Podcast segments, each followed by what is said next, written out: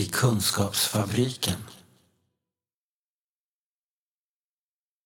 Det känns så konstigt att säga Margareta Jansson, för det är ett namn som jag nästan har aldrig använt eftersom Nej. du är min fastelettan. Ja, just det. Och då tycker jag att du ska säga det. Ja, precis. Att det här är ju liksom lite nytt eh, eh, för oss båda. Eh, där vi märkte när vi satt och pratade om massa andra saker här för, för, en tid sedan att ja just det, men du har ju lite så här psykisk ohälsa historia som jag väl kanske när vi kom in på det nog har tänkt att så kanske det var, men det är liksom aldrig något vi har pratat om. Nej, just det. För det tänkte jag på när vi båda två kom in på Facebook och det blev uppenbart vad du höll på med. Och sen vid något tillfälle så ett litet blänk att du har haft panikångest. Och då, då tror jag att jag hörde av mig till dig och sa att det här kan vi behöva prata om. För det här är inte bara jag och det är inte bara du utan jag tror att det är stort. Det tror jag också. Att vi är många fast vi har aldrig pratat om det. Nej, precis. Och jag tänker också att det är spännande ur mitt podcastperspektiv. För att dels ehm, så är ju det en berättelse om att vi kanske befinner oss i ett skede där vi pratar mer om det idag, men där det finns massa relationer där man inte har pratat om det, som Nej. din och min. Ja. Men också att ehm, du är också en generation äldre än jag och är pensionär och du ska, vi på NSPH jobbar ju särskilt med ett projekt nu som heter Att åldras och må bra också, att hur, hur är det att bli gammal med sin psykiska ohälsa eller så. Så det, det, den ingången finns i det här samtalet också. Lite spännande och nervöst och roligt känns Ja, det. ja det, det har varit väldigt nervöst och lite oroligt. Och så tänkte men vad håller jag på med? Jag tycker det är självklart att vi måste prata om det. Men inte jag. Nej, just det.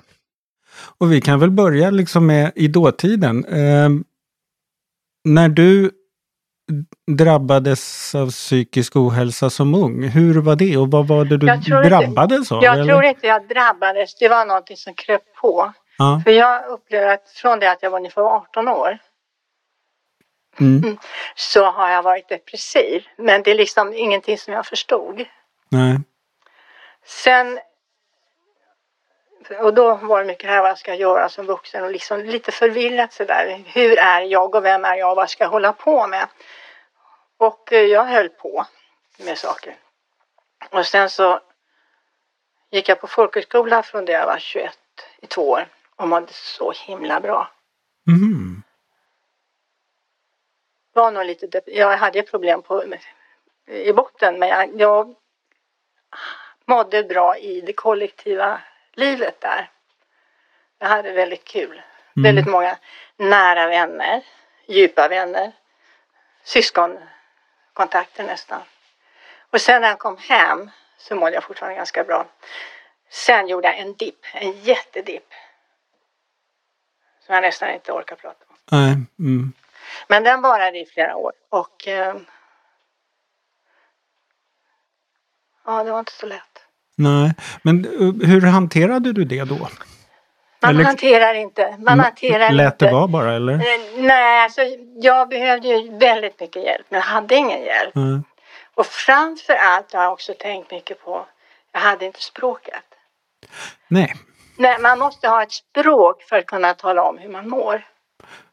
Förstod du på något sätt vad det kunde vara? Ja, det förstod jag, men jag kunde inte uttrycka det. Nej. Och för vem, till vem skulle jag säga det? Då gick jag till eh, ja, det som idag kallas för vårdcentralen. Jag träffade någon läkare där som då kunde ha liksom samtal sådär. Och han säger så här att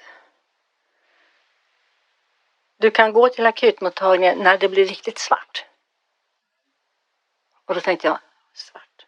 Vadå svart? Vad menar han med svart? Förstod inte. Och då säger han så här. Och så tycker jag du ska gå hem och så tvättar du håret och köper en ny klänning. Ja, han, han var väl desperat. Han visste inte vad han skulle Nej. göra med mig. Men så småningom kom jag i alla fall till akutmottagningen. Och då fick jag eh, tid så jag gick på eh, polikliniken, kliniken, alltså en gång i månaden. Så en gång i månaden gick jag dit och träffade en psykolog och så fick jag ett recept på en tablettburk. Sen kom jag tillbaka efter en månad och då frågar man hjälpte tablettburken? Nej, det gjorde den inte. Och då fick jag en ny tablettburk och så fick jag tillbaka. Så där gick det. Och varje gång så träffade jag olika psykologer. Aldrig samma. Och inte något som gjorde någon större skillnad heller. Nej, alltså vi hade inga samtal. Jag, jag var väldigt sluten. Jag var Mm. inte van att prata. Och på den tiden så, så skulle man sitta och vänta på att patienten började tala. Det blev rätt utdragna sessioner. Ja, precis. Och, verkligen. Och, och det är så här, så här, jag blev lite full i skratt. Så här, där en psykolog så här, eh, när vi avslutar det hela säger så hon bryter lite grann på svenska. Ja, det är så svårt att få kontakt med deprimerade patienter. Ja, det är därför de är här. Ja, och en annan hon sa ingenting. Och en tredje hon lyftades fram över bordet och sa Margareta, du är så arg, du är så aggressiv. Ja.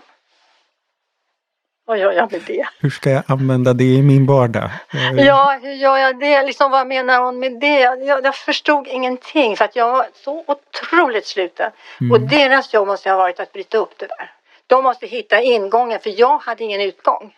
De måste hitta nyckeln. Jag var inlåst. Men så småningom så fick jag eh, remiss till mentalvårdsbyrån så jag fick eh, samtalshjälp i två år. Okej, läkare- alltså mer regelbundet, Ja, tätare. och då ja. en, en gång i veckan Mm. då. Ja. Men det var ju samma sak där. Det var ju fortfarande så att han satt tillbakalutad och väntade på att jag skulle prata. Det blev ju ingenting. Jag tog upp en cigarett och så rökte jag. Och så tog jag upp en ny cigarett och så rökte jag. Och till slut var han lite irriterad och sa så här, Varför ska du alltid börja prata i slutet? Du kan väl börja på en gång? Nej, men jag visste inte hur jag skulle börja. Jag visste inte det. Och det här påverkade, det här pågick i flera år. Från ja, 24 Mm. till ja, 30 ungefär. Det är ganska länge. Ja. Och jag fick också väldigt stora, lite psykotiska inslag och så, där. så det var djupt. Det, Det, var en djup, ja, det var rätt. det var, var en djup depression. Mm. Men han- jag fick med mig ändå av den läkaren eh, på mentalvårdsbyrån att jag var ganska konturlös. För jag visade inte upp något. Jag var konturlös. Mm. Och, och sa det att eh, du måste visa lite mer vilja. Jaha. Ja, men det tog jag till mig faktiskt. Och sen började jag må bättre. Sista gången jag var på akutmottagningen, ak- rent akut, då, då träffade jag en ung, misstänker jag, ST-läkare. En kvinnlig. Och det här måste ha varit 70 ungefär. Och då säger hon så här, vad vill du egentligen? Bra fråga. Mm. Ja, han, jag skulle vilja gå med. Då var det, hände det så mycket politiskt. Alltså, kanske skulle, det var något som lockade där. Och eh, jag skulle vilja träffa några liksom så här, lite medvetandegörande så där. Då försvinner hon. Och sen kommer hon tillbaka och så ger hon mig en lapp. Och säger, det här får du inte berätta för någon. Men då fick jag telefonnumret till grupp 8. För det Men kom- du får inte berätta det för någon. Och det var Det liksom, intressant. Ja, det var intressant. Och så ringde jag det telefonnumret och jag sa det, jag har hört att ni ska ha sådana här medvetandegrupper. Och den tjejen som, den tjejen som svarade hon stod, var ju som en fågelholk. Men då visade det sig att det fanns en lokalgrupp i mitt hus. Så där kom jag med och där började det lösa upp sig väldigt mycket av det. Den förändringen låter ju rätt mycket som när du pratade om när du var på folkhögskolan. Alltså att det var någon slags känsla av sammanhang och Ja. meningsfullhet och utveckling och eh, utforskande och sådär. Och samtal och Mm. det fanns, och, jag- det, och jag började förstå att det finns strukturer i samhället. Mm. Jag, jag var ju strukturlös. Jag var ju liksom ingenting. Jag var ju konturlös. Alltså jag hade ingen struktur. Så Så att, ja.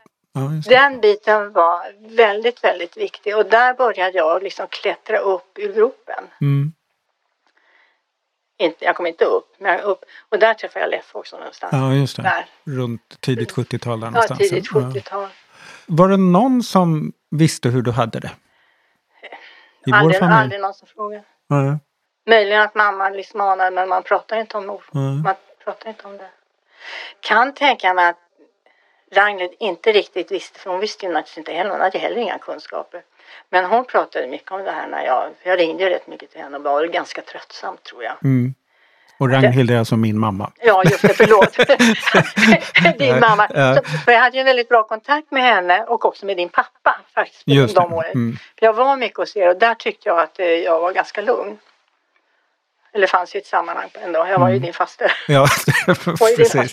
Jag var ju din Mm. faster där. Mm. Eh, nej men jag tror att, för hon sa det att du har ju ingen struktur. Du måste ha ordning och reda på det du gör så att det blir gjort. Mm. För det, så funkar ju hon. Lärarbarn som man är, som man har raster och man går och gör saker. Så, och jag hade ju ingenting, det var bara löst. Men sen träffade jag Leif och då blev det ju mycket enklare. Och sen, efter, sen bildade ju ni en ny familj Ja, lite grann. och gifte, det blev vi gifte liksom, oss ju så små, där ganska Ja. snabbt. Jag vet inte, 74 eller sånt där. Jag kommer inte riktigt ihåg. Jag tror vi har varit gifta 45 år. mm, just det. Och där. Jag var mådde naturligtvis inget bra. Jag hade fortfarande panikångest och fobier och här Mm. grejer. Men den här depressionen hade jag kontroll på. Okej. Så den fick jag kontroll över. Och den, men jag hade fortfarande rätt mycket fobier och kunde få panikångest på tunnelbanan och sådär. Så Hur, hur hanterar du det? Hade du strategier för liksom... Nej, alltså man, jag hörde det här att man har man liksom fobi för någonting, har ett problem att gå över torget och då ska du göra det. Gå över. Men det blev bara värre och värre och värre. Så det la jag ja, Jag var ju tvungen för jag måste åka till mitt jobb.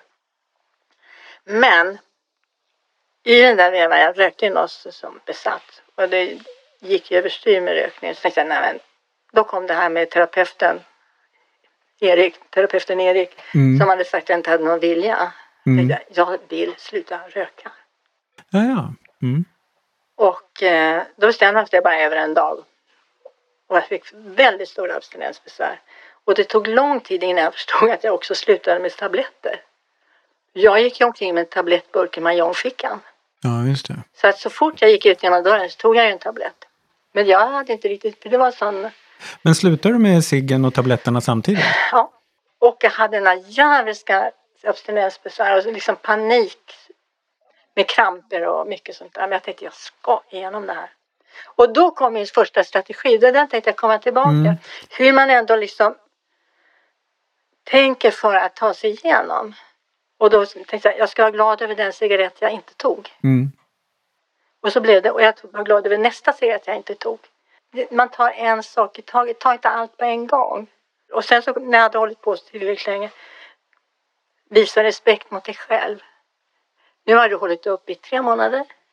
Kasta inte bort de tre månaderna. Nej. Sen har du hållit upp i sex månader. Kasta inte bort det. Och jag tror att det är så med drogavvänjning överhuvudtaget. Ja. För det var en drogavvänjning. Men var det någonting du listade ut själv? Ja, Vad häftigt. ja det, det kom jag på själv. Mm. Det är ju verkligen något man kan vara stolt över. Ja, och det är något också som man kan föra vidare. Mm. Men sen hade jag också en annan. Att jag började sy. Att brodera. Att brodera, för det har jag också märkt. Att det är lugnande, för då måste jag koncentrera mig. Jag måste sticka ner nålen där och så ska nålen upp där och så ska tråden vara med utan att det blir några knutar. Och då måste jag koncentrera mig, för då skjuter man det andra åt sidan lite grann. Och så kan man se att man har gjort ett arbete. Man ser resultatet av arbetet. Dels skapar du liksom ett reservat där du är i nuet. Ja, och och så- sen så blir det dessutom något att lägga på bordet efteråt. Ja, eller någonting Eller- som jag kan tycka att det där, nu har jag gjort Mm. det här. Just det. För före det, då hade jag hållit på med musik. Men när jag lägger ner instrumentet finns det inte kvar. Det har bara puffat bort i Och då har luften. puffat bort. Mm. Ja, just det. Det här tycker jag är så intressant med, med, med den här kampen man Ja. genomför och som du då gör helt själv. Ja, just det. Eh, när det är så otroligt mycket livskunskap i det så är det ju jättedumt att man inte pratar med andra om det. Ja, just, just det. Och, och, och, och jag fanns något tillfälle när jag försökte prata med andra. Mm. Men det är ingen som tar det. Det är ingen som vill höra. Det är ingen som förstår. Eller allra värst, att det är någon som kommer att börja tala om hur jag egentligen mår. Kafferast i Kunskapsfabriken. När du träffar Leffe, Mm. pratade ni om det här? Det där finns inte i Leifs liv. Nej. Nej, Leif har ingenting sånt.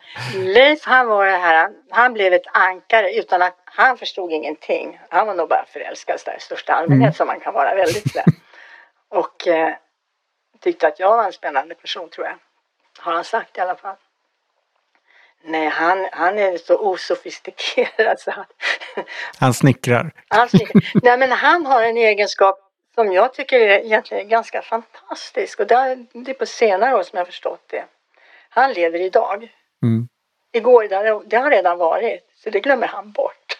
Och imorgon, den har inte kommit. Mm. Så nu är vi här idag och det är det som gäller och då kliver man upp och man lagar mat och man handlar, tar hand om barn och, och man går till jobbet och man går, passar tiden när man går till jobbet. Han var den första killen som passade tiden. Mm. Men det, det, han, det du beskriver, det är ju egentligen, han är ju bra på att brodera. Ja, sitt Alltså, för att han gör saker som han måste vara i. Ja. Och sen så eftersom han då snickrar och bygger mycket så Ja. blir de ju kvar också. Ja, och det, han är ju också handens människa. Och det tror jag var bra för mig. För Mm. han har heller inte varit och mästrat mig. Just Han har aldrig mästrat mig. Satt diagnoser och hittat Nej, på. eller Nej. sagt någonting. Han har liksom någon gång så sagt, men om du arbetar hos mig då skulle du nog inte få vara kvar för du går ju aldrig till jobbet. du, du, du går, kommer inte i tid, du är hemma för mycket för jag mådde ju så pass dåligt. Ja. Så att, eh, nej, så att, och han var ju också en, en, en konstigt nog en person som stannar kvar. Mm. För att det är klart att han blev ju drabbad av alla de här grejerna när han var tvungen att massera mina ben när jag slutade röka för jag hade kramp i vaderna och sådär va. Så det är klart att han visste det här och ja, men han har också fått leva i, bredvid dig i perioder när du inte har mått så bra och inte är något jättekul umgänge kanske. nej, Mm. verkligen inget kul umgänge. Men han har tagit det för då har, jaha, då går väl jag till verkstaden då. Ja. Då gör jag mitt. Mm. Och så levde vi också ett sånt liv faktiskt i nästan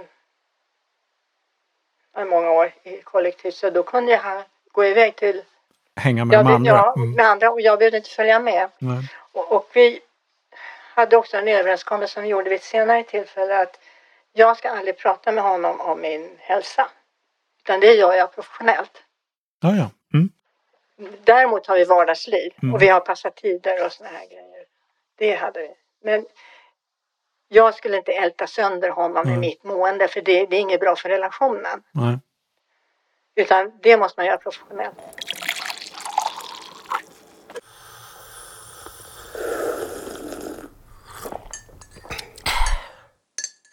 När jag var i 40-årsåldern så eh, dippade jag igen.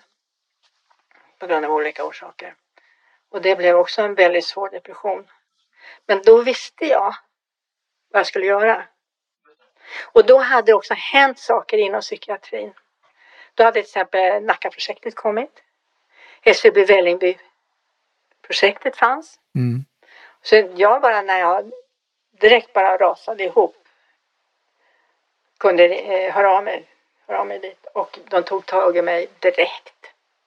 Jag fick ett antal gånger och så fick jag, eh, som naturligtvis upphörde, men då fick jag också eh, papper med mig vart jag skulle ringa för de sa att du måste fortsätta. Mm. Och då ringde jag runt för att försöka få eh, någon samtalsterapeut eller så. Och det fick jag tag på. Och eh, en jättebra situation. Han var helt fantastisk. Och, och jag kunde också tala om för honom hur jag ville att det skulle vara. Alltså först så tog han in mig i en gruppterapi för att jag kom in som akut då. Mm. Gruppterapin funkade inte alls för mig. Utan jag drog mig undan och ville inte vara med. Bara liksom, jag hörde inte av mig. Men den mannen, han gav sig inte. Han skrev brev till mig och ville att jag skulle höra av mig. Jag hörde inte av mig. Jag bara, nej, nej, nej. Sen efter ett tag så ringer han. Och säger, nu har jag en tid till dig, nu kommer du tillbaka. Bra. Och då kom jag tillbaka. Och du förstod att det var nog rätt bra att han gjorde det. Ja, visst. Och då kunde jag också tala om hur jag ville att Mm. han skulle agera, hur han skulle agera gentemot mig. Så jag, jag vill ha en dialog, jag vill inte att du sitter och tiger. Samtidigt så fick jag tag på en bildterapeut som var som annonserade. Alltså, då träffade jag en pensionerad bildterapeut som hade då grupper. Eller en grupp i alla fall. Och han var skitbra. Han var så bra. Och jag kände någonstans, de här två terapeuterna bar mig, plus Leif Mm. som hade strukturen. Som ankaret. Han var mm. ankaret till mig. Och så var det en, en kvinnlig naprapat som gick igenom hela min kropp och hittade alla de här onda ställena jag hade i ryggen. Och, så. och det gjorde också resultat. De bar mig i tre år. Så efter ett tag så liksom, när de här tre åren började ta slut, då hade jag också fått namn på alla mina demoner. För då var jag också oerhört paranoid. Jag hade hela tiden någon som hängde på ryggen, sådär lite Gollumaktig. Mm. Du vet Gollum? Mm. Som bara hela tiden, var- jag, hela tiden gick vem är som hugger i ryggen nu då? Och när jag hade fått namn på min, de här demonerna, då, jaha, Då kunde man plocka undan dem. ja då på något sätt. kunde man plocka undan dem. Och sen började jag må bra. Och sen när det avslutade här, både bilterapin och samtalsterapin, då mådde jag skitbra. Då tänkte jag, jaha, det är så här man ska må. Så här mår man när man mår bra. Mm. Klar i huvudet. Alla tankar på rätt ställe. Potentialen kommer fram. Jag börjar fundera på jag, olika saker. Så här vill jag göra, där vill jag göra. Här, ja, projekt. Så vidare. Och som jag då kunde börja genomföra. Sen när jag fyller 50, då får jag en stroke. Då, då arbetade jag. Mm. Det var bara gå till jobbet, hem från jobbet, Mm. gå till jobbet, hem från jobbet. Men det, det, du, stroken drabbade dig så att du, in, alltså du kunde fortfarande jobba men du, du var ändå liksom avtrubbad på något sätt? Eller? Nej, jag jag inte till att börja med. Jag var bara oerhört trött. Ah, alltså ja. en trötthet Mm. som inte var normal. Mm. Och också och sökte mycket kontakter med, lä med läkare och det var ju ingen som, äh, de sa, äh, det är klimakteriet eller så. Det var ingen som fattade. Så det tog fem år innan jag fick, innan jag kom till en, en neurolog som, där de gjorde en undersökning. Du har haft en stroke. Du hade fått en stroke utan att du visste det? Ja, för att det finns också tysta Ja. Och ingenting i min medicin eller somatisk eller min fysik sa att jag skulle ha haft en stroke. Därför att jag hade helt andra symptom. Flera år senare fick jag veta att jag har en blodsjukdom som ger proppar. Så det är där, därför. Men, men de här olika ska vi säga, fysiska åkommorna, de har inte triggat, eller hur har de samspelat med ditt psykiska mående? Nej, jag har inte upplevt att jag haft några depressioner utav det. Nej. Utan jag har bara varit fruktansvärt trött och tycker att jag har varit väldigt begränsad. Fast begränsad på ett annat sätt än när jag hade mina depressioner. För Mm. då var man ju förlamad på något sätt. Här var det liksom var det vissa saker jag inte kunde för jag orkade inte. Och också här att så småningom kom jag på någon rehabilitering på Danderyd i en grupp eh, där man vände sig mot människor med lättare hjärnskador. För vi konstaterar att jag har en hjärnskada men den är lätt. Så jag har kognitiva problem idag som jag kan hantera. Jag har lärt mig det. Och så hade jag ju svårt med sömn. Jag sov ju aldrig. Ville de att jag skulle ta medicin mot min sömn. Jag hade aldrig, under hela den här långa tiden sedan jag slutade röka Mm. har jag aldrig tagit någon medicin, inte ens när jag Mm. mått som värst. Och då ville de att jag skulle ta det här Zoloft. Alltså Ja, det. SSRI. Mm. Och då säger de, nej men det kan ta åtminstone, för jag vill inte, jag sa det, ta åtminstone ett halvår så får vi se om du börjar sova. Jag börjar aldrig sova. Visar sig att det är värdelöst. De här tabletterna ska man inte ta om man inte kan sova. Jag slutade med de tabletterna för två år sedan. Då har jag tagit dem i nästan 18 år. Jaha, Länge. alltså. bara för att... Ja, Bara det bara att- fortsatte, ja, just fortsatte, det, ja. fortsatte. Försökte sluta några gånger, men det gick inte så bra. Då kom den här psykiska biten tillbaka. Mm. Och sen när jag slutade sista gången, då gick det väldigt bra. Ett halvår. Och sen kom, sen kom allting tillbaka. Sen kom allting tillbaka. Depressionen och... Depressionen, framförallt det kom en sån här vattenfall av sorg. Alla dessa Mm. år kom tillbaka. Och, och jag tycker inte att det har varit dåligt. Jag tycker det att Soloften begränsar ju känslolivet. Mm. Det är ju det den går ut på. Mm. Nu fick jag tillbaka det fast i, i kvadrat. Lite, lite så här överraskande för jag har alltid varit väldigt återhållsam. Mm. Men det går inte att vara återhållsam nu för jag blev väldigt känslosam. Mm. väldigt känslosam sådär så jag sånt att jag kan inte gå bort och träffa folk för jag bara bryter ihop för struntsaker. Men jag tycker att det är en tillgång. Men det är ju rikare liv även Ja. om det kostar också. Det ko- på något sätt. Ja, fast jag vet inte vad det kostar idag för jag har så mycket på plats. ja, det är sant. Det, utan jag kan liksom se det här, jag kan liksom bli väldigt eh, sentimental eller känslig på, vid känsliga tillfällen sådär som jag förut bara haft distans. Jag har varit lite stolt över min distans. Ja men den turbulenta familj som jag har vuxit upp i, den var verkligen det. Den, det har inte varit så enkelt i alla lägen med familjen Jansson, får man väl Nej, säga. Ja. nej, verkligen inte. Och eh, det var också väldigt mycket turbulens. Så att det liksom, jag, med mitt sätt att vara, jag drog mig undan. Medan de andra hade eh, allt utrymme. Men det jag tänker på, det är mina föräldrar. Att de kunde inte hantera det. Ja. De kunde inte hantera mina syskon. Inte mig heller tror jag. Utan jag tror att de blev... De förstod inte alltså, alltså, alla dessa vredesutbrott och bråk och turbulenta saker och dåligt humör och sådär. Ja, och farfar gick och jobbade. Han jobbade och jobbade gärna sent på kvällarna. Ja, just det. Har jag börjat fundera på. Mm. Det kanske var skönt. Medan mamma var hemma. Hon hade ju inga möjligheter att ta hand om det där. Hon blev bara ledsen. Gick in och satte sig i köket och tog en cigarett. Men aldrig att hon satte ner foten. Det blev bara sluta upp och bråka och sen spelar det ingen roll vem som hade börjat eller vad som låg bakom. Och sådär. Aldrig någonsin. Men sen tänker jag också på vad vi förmodligen då har lärt oss om det som är min farmor och din mamma. Mm. Ehm, att hon nog förmodligen också då hade episoder där hon faktiskt låg inlagd Ja. och var borta där, det, där vi kan se i historien Ja. att, att eh, de äldsta syskonen Mm. fick bo borta Ja. under perioder och Ja, lite sådär. Ja, just det. För jag har ju varit inne i socialregistret och tagit fram papper. Och där finns det läkarintyg. Där det inte står varför, men att hon behöver vila, hon behöver åka bort. Och mina äldre syskon då blev placerade på barnhem. Och eh, jag tror att det var en fruktansvärt svår tid. För det här är redan på 30, 36, ja, redan på 1936, 30-talet. Det är före kriget. 1936, det är länge sedan alltså. Är, och då var det inte så fett i Stockholm. Det var inte fett i Nej. Stockholm, de bodde illa. Pappa hade ett jobb där periodiskt inte hade något jobb. Det var ju depression. Ja, han gick ju runt och målade lägenheter. Ja. Och då fanns det ingen lägenhet den dagen. Så Nej, då fanns hade inget, jobb. nej, Då hade han inget jobb. Och sen så hade han då en sjuk fru och de hade tre barn.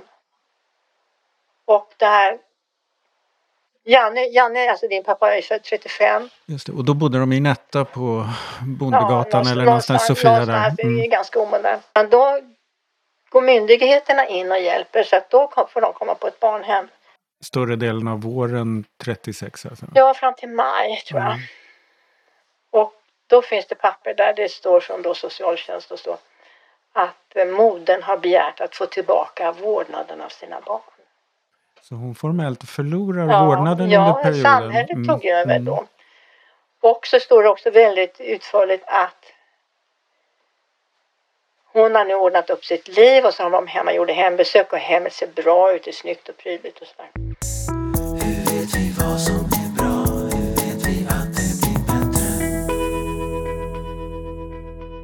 För under de här 20 åren som jag har bott här då i, utanför Norrtälje, ute på landet, så har jag också varit verksam i Norrtälje som brukare.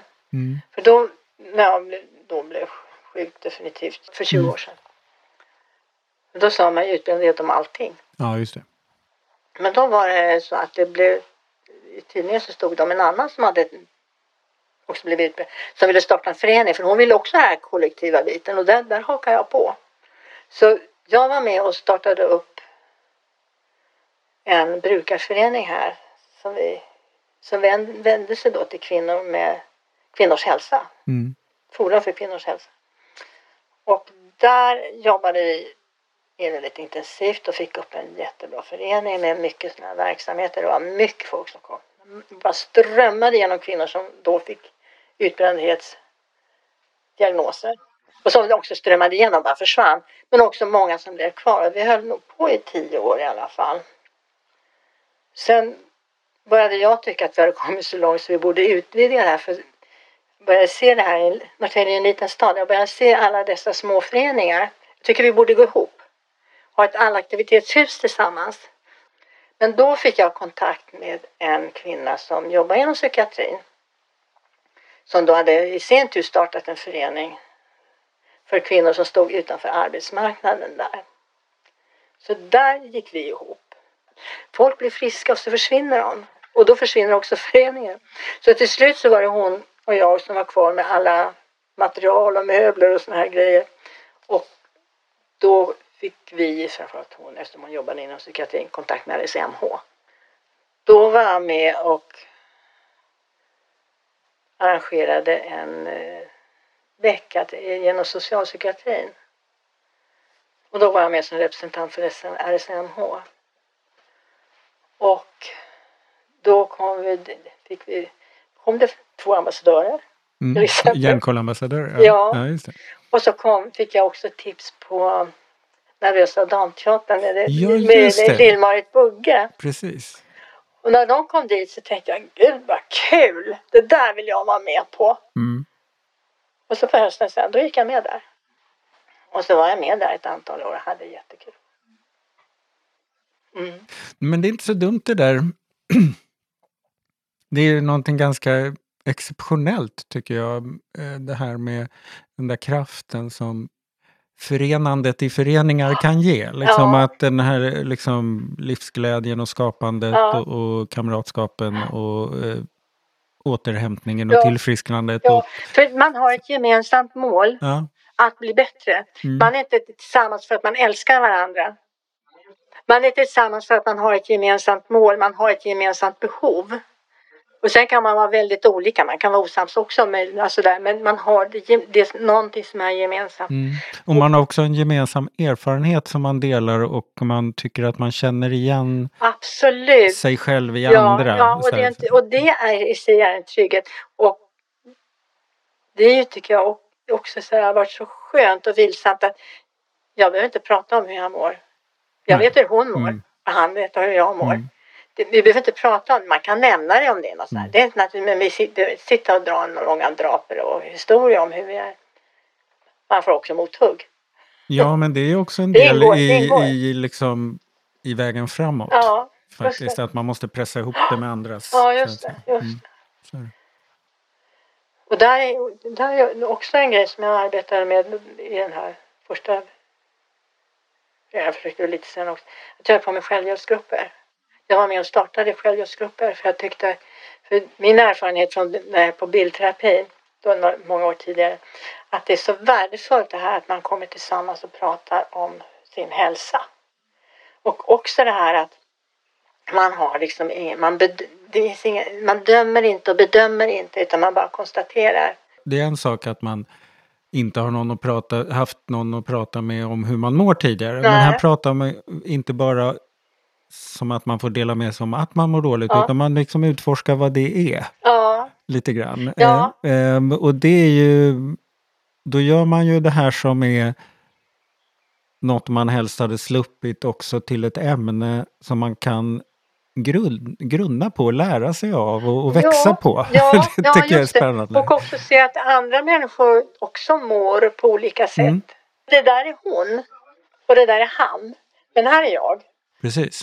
Och det, det tror jag är viktigt när man ska bli kompis med sitt mående. Ja. Att man liksom, det blir ju ett sätt att skapa det där Ja, språket ja. som du Precis. pratade om tidigare. Om du tittar tillbaks på dig som den här lättan som var 20-25 år. Och skulle, om du hade sprungit på den lättan idag och du fick ge ett gott råd eller en kunskap som du fick dela med dig av till ditt unga jag, vad, vad skulle det kunna vara? Något som du tänker hade varit bra om du själv hade vetat då?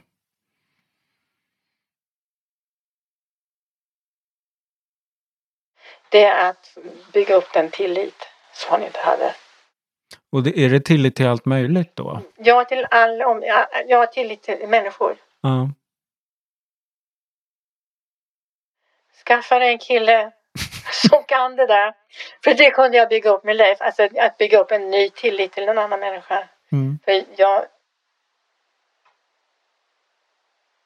Och- jag hade nog inte haft det överhuvudtaget tidigare heller. Utom då när jag bodde, gick på den här folkhögskolan. Då hade jag mina närmsta Men det var ju också en utmätt tid. Ja, Där kan man ju inte stanna, Nej, liksom. det var ju bara två Mm. år. Så att, eh, Men hade, om du hade haft ett annat ska man säga, startkapital av tillit Mm. till andra människor. Hade det också förändrat hur du hade sökt hjälp och så tror du? jag tror att om jag hade haft tillit så kanske jag inte hade hamnat i den här situationen. Att det är tillitsbristen som också skapade Ja, det dåliga ja måendet? för att till exempel då när jag brakade då när jag var 24 år.